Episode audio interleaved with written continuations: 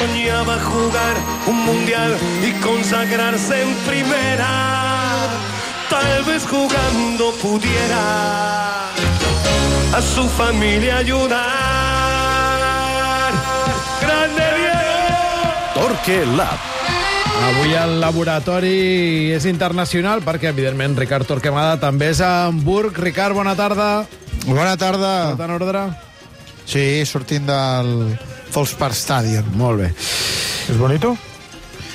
Sí, sí, eh, és un estadi d'equip de primera divisió, encara que sigui de segona. Si- si fos nou ja ho ha dit el Bernat, molt bonic. 60.000 espectadors i un estadi preciós per a un equip de segona divisió, un històric que té una Copa d'Europa. I tant. La, el 83, si no m'equivoco, amb... Era amb Keegan, oi? No, no hi era aquí, No hi era ja. Keegan. Fèlix Magath va, va fer el gol.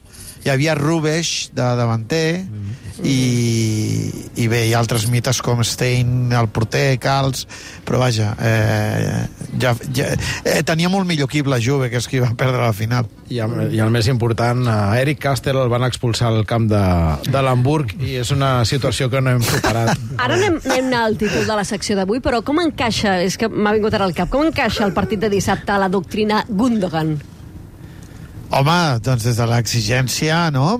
La- la seva, Màxima. Recordem que vam deixar Ricard Torquemada la setmana passada cremant Sí, sí, contenidors sí, a sí. Barcelona Exacte. fent, fent pintades de He, Gundogan. he Eh? canviat, eh, Dani, he canviat una mica el look avui, avui ja he tornat una mica més a la, La cresta, moderació. l'hem perdut, la cresta. Sí, La sí cresta me, punk. me, l'he bé. Però, però sí, sí, des de l'exigència, no? Mm -hmm. jo, jo espero que els jugadors també estiguessin frustrats i desanimats. A vegades una victòria no és dolça i a vegades derrotes sí que ho són. I per tant entenc que l'exigència ha d'anar per aquí. Eh, també l'entrenador va mostrar, es va mostrar crítica amb el que va passar. Potser és més fàcil la doctrina Gundogan eh, mm, guanyant que, que perdent un clàssic Què vols dir?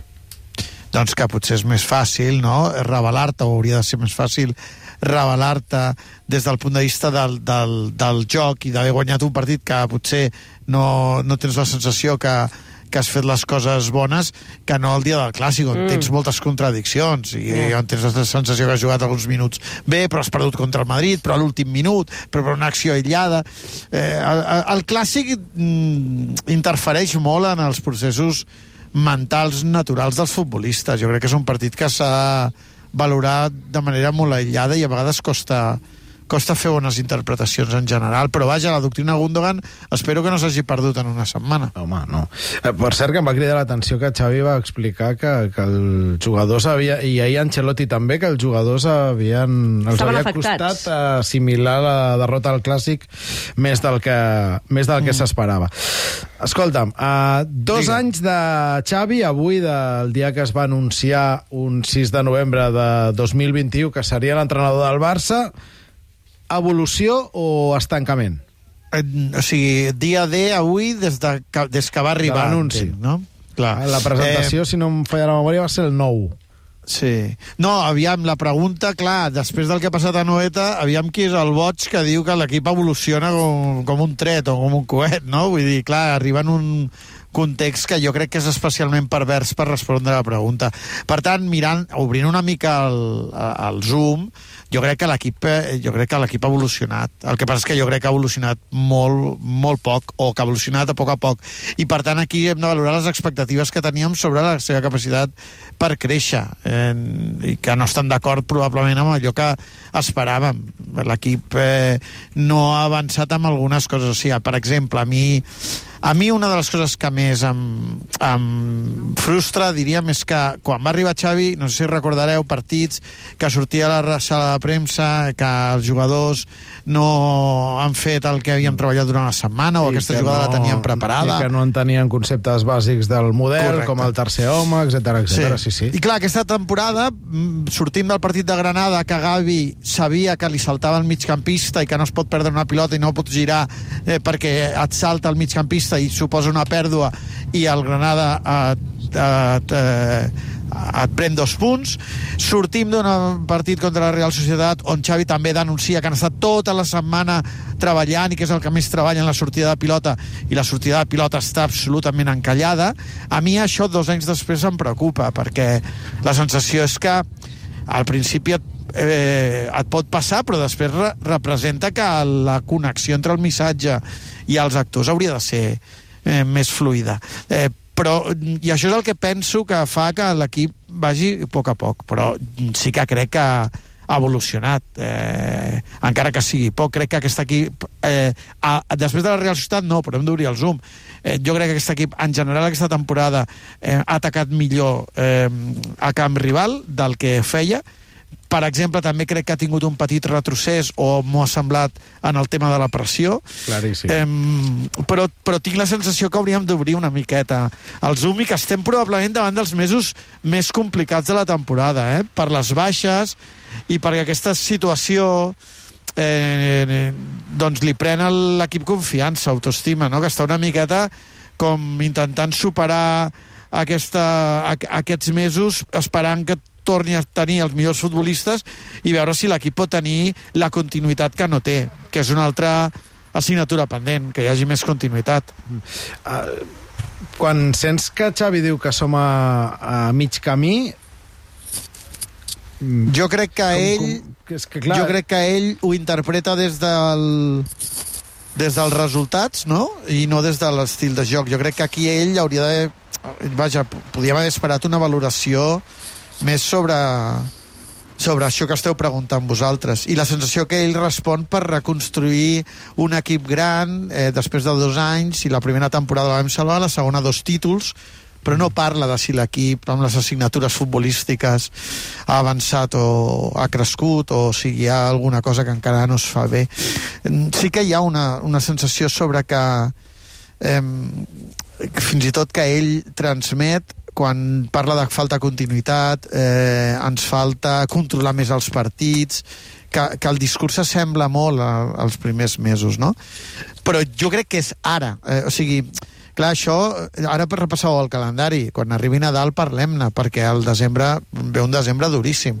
I, I aquestes proves de foc, no pel resultat, sinó per la imatge de l'equip, l'equip necessita recuperar un punt de, d'autoestima, de, de convicció. També crec que està en un procés d'actualització, que arriben jugadors nous, tot el nus cancelo que heu estat parlant, és un tema que ell està ajustant sobre la marxa, i avui jo també estic content que ell hagi estat tan clar, que hagi justificat els tres centrals i que hagi dit que, no, que això no tindrà continuïtat, perquè és evident que amb Cancelo s'havia d'ajustar defensivament l'equip perquè quedes molt exposat amb dos centrals, però també que si fa, poses tres centrals i ell ha de jugar, eh, l'experiment com a extrem no ha funcionat. Per tant, tornarem al, al, al pas enrere i tornarem a jugar amb dos centrals, però serem capaços d'ajustar col·lectivament això en defensa. L'any passat, amb el quart migcampista es va poder fer en atac, però en defensa és urgent fer-ho aquesta temporada des de l'arribada és que de Cancelo. fer-ho contra l'Alavés no té mèrit. El tema és quan juguis contra l'Atlètic de Madrid, que segurament t'atacarà amb dues puntes, a veure si mantens el,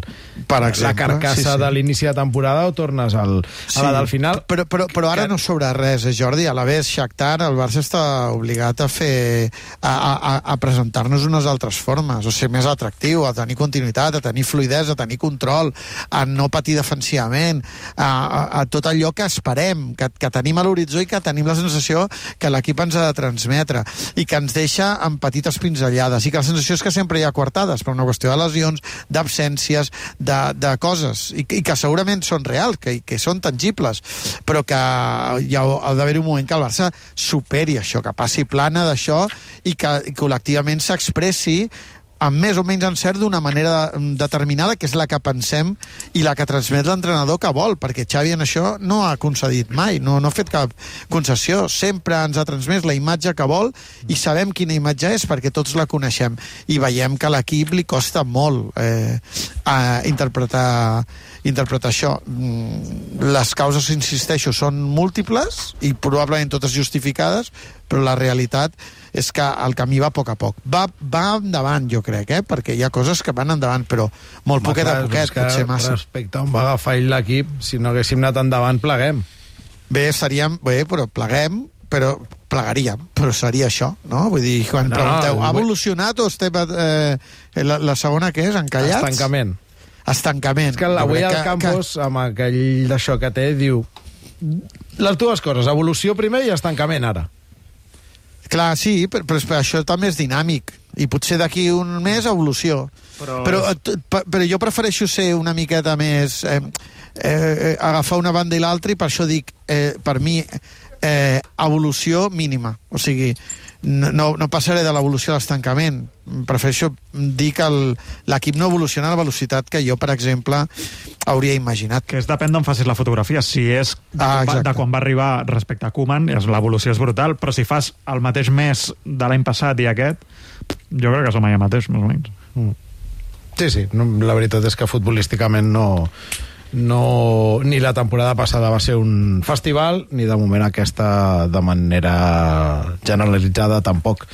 Una altra cosa és que, si, com diu el Ricard, Xavi s'ho mira des del punt de vista dels resultats, el Barça l'any passat va guanyar partits similars al de Noeta. Recordo un gol de Lewandowski a Mestalla al 95. Al Recordo- Metropolitano, oi que també Araujo salva un gol al minut Sí. 90 i tants. La victòria a Pamplona amb 10, eh, també a última hora amb el gol aquell de Rafinha. Sí, però la victòria a Pamplona, per exemple, l'has de treure... No és com el No, no, dissabte, perquè perquè dissabte... 10, sí, sí. I, i, I a Pamplona no estàs defensant de tot el partit, pràcticament. Mm, Bueno, la segona part va ser... Però, Bueno, clar, una part amb partida 10. juga amb sí, 10, sí, no, no, no. El que vull dir és que potser futbolísticament no, però que aquest partit de Noeta, que ara mateix a molts ens sembla un desastre, ajuda a rearmar moralment i li, li dona a l'equip una confiança que ara mateix em No, sembla jo crec que difusa. avui Xavi n'ha arribat a parlar, eh, de punt d'inflexió. Sí, sí, ho ha, ho ha dit, servir. sí, sí. però no he acabat d'entendre en quin apartat ho deia, potser és en aquest. eh, No, en l'anímic. No? L'anímic, Sí, eh? sí. en la mateixa Sí, línia sí. de post, post Anoeta. També ho va dir a Noeta, sí, sí. Sí. sí. També, també va parlar de, de, des del punt de vista